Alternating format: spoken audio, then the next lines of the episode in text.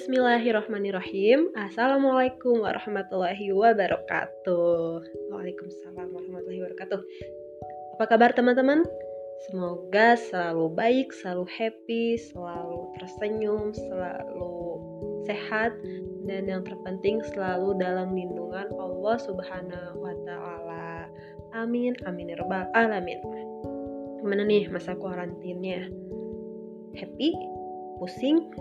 Uh, atau mungkin gabut banget cuman bisa nyerebahan doang atau mungkin teman-teman yang bosan dengan kuliah online atau bosan dengan nyusun skripsi kita punya selingan. Yang insya Allah selingan ini bisa bermanfaat untuk kita semua. Amin. Nah podcast pertama kita pengen bahas tentang sirah nabawiyah. Nah apa sih sirah nabawiyah itu Sirah, sirah artinya secara umum adalah perjalanan atau kisah hidup atau sejarah hidup seseorang. Nah, Nabawiyah ini kita artikan atau maknai sebagai perjalanan hidupnya Rasulullah Shallallahu Alaihi Wasallam.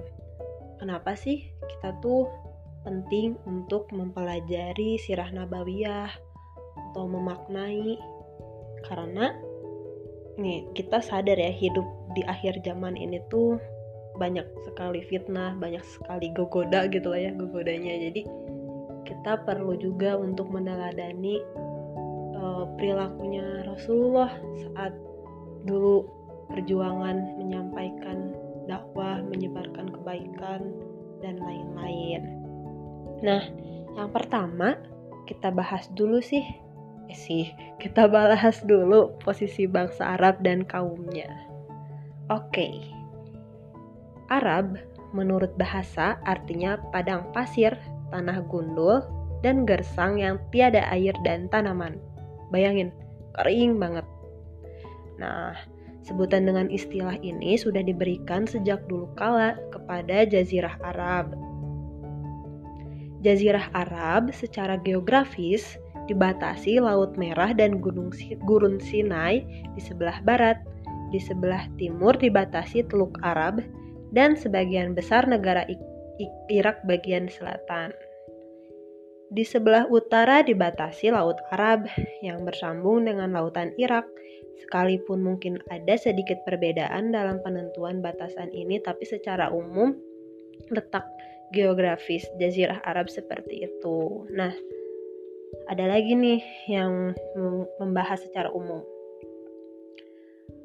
Jazirah Arab terletak di benua yang sudah dikenal semenjak dahulu kala, yang mempertautkan daratan dan lautan. Sebelah barat laut merupakan pintu masuk ke benua Afrika, sebelah timur laut merupakan kunci untuk masuk ke benua Eropa, dan sebelah timur merupakan pintu masuk bagi bangsa-bangsa non-Arab, Timur Tengah, terus membentang ke India dan Cina. Seperti itu, teman-teman. Nah, terus kaum kaum bangsa Arab itu ada siapa aja sih? Nah, ditilik dari silsilah keturunan dan cikal dan cikal bakalnya, sejarawan membagi kaum-kaum bangsa Arab menjadi tiga bagian. Nih, kalau mau dicatat boleh. Yang pertama ada Arab Bangidah, yaitu kaum-kaum Arab terdahulu yang sejarahnya tidak bisa dilacak secara rinci dan komplit seperti Ad, Samud, Tasm, Jadis, Imlak, dan lain-lain. Yang kedua, Arab Aribah, yaitu kaum-kaum Arab yang berasal dari keturunan Ya'rub, Yasjub, bin Kotan, atau disebut pula Arab Kotaniyah. Nah, yang ketiga ada Arab Mustarobah, yaitu kaum-kaum Arab yang berasal dari keturunan Ismail yang disebut pula Arab Adnaniyah seperti itu. Kemudian, nih, tempat kelahiran Arab Aribah atau kaum Kotan adalah negeri Yaman. Lalu berkembang menjadi beberapa kabilah dan suku yang dikenal adalah dua kabilah. Pertama ada kabilah Himyar dan kedua ada kabilah Kahlan. Itu sih eh, gambaran singkat tentang bangsa Arab. Nanti kita akan bahas lagi banyak tentang bangsa Arab dan eh, perjuangan-perjuangan dakwah di dalamnya. Sampai jumpa.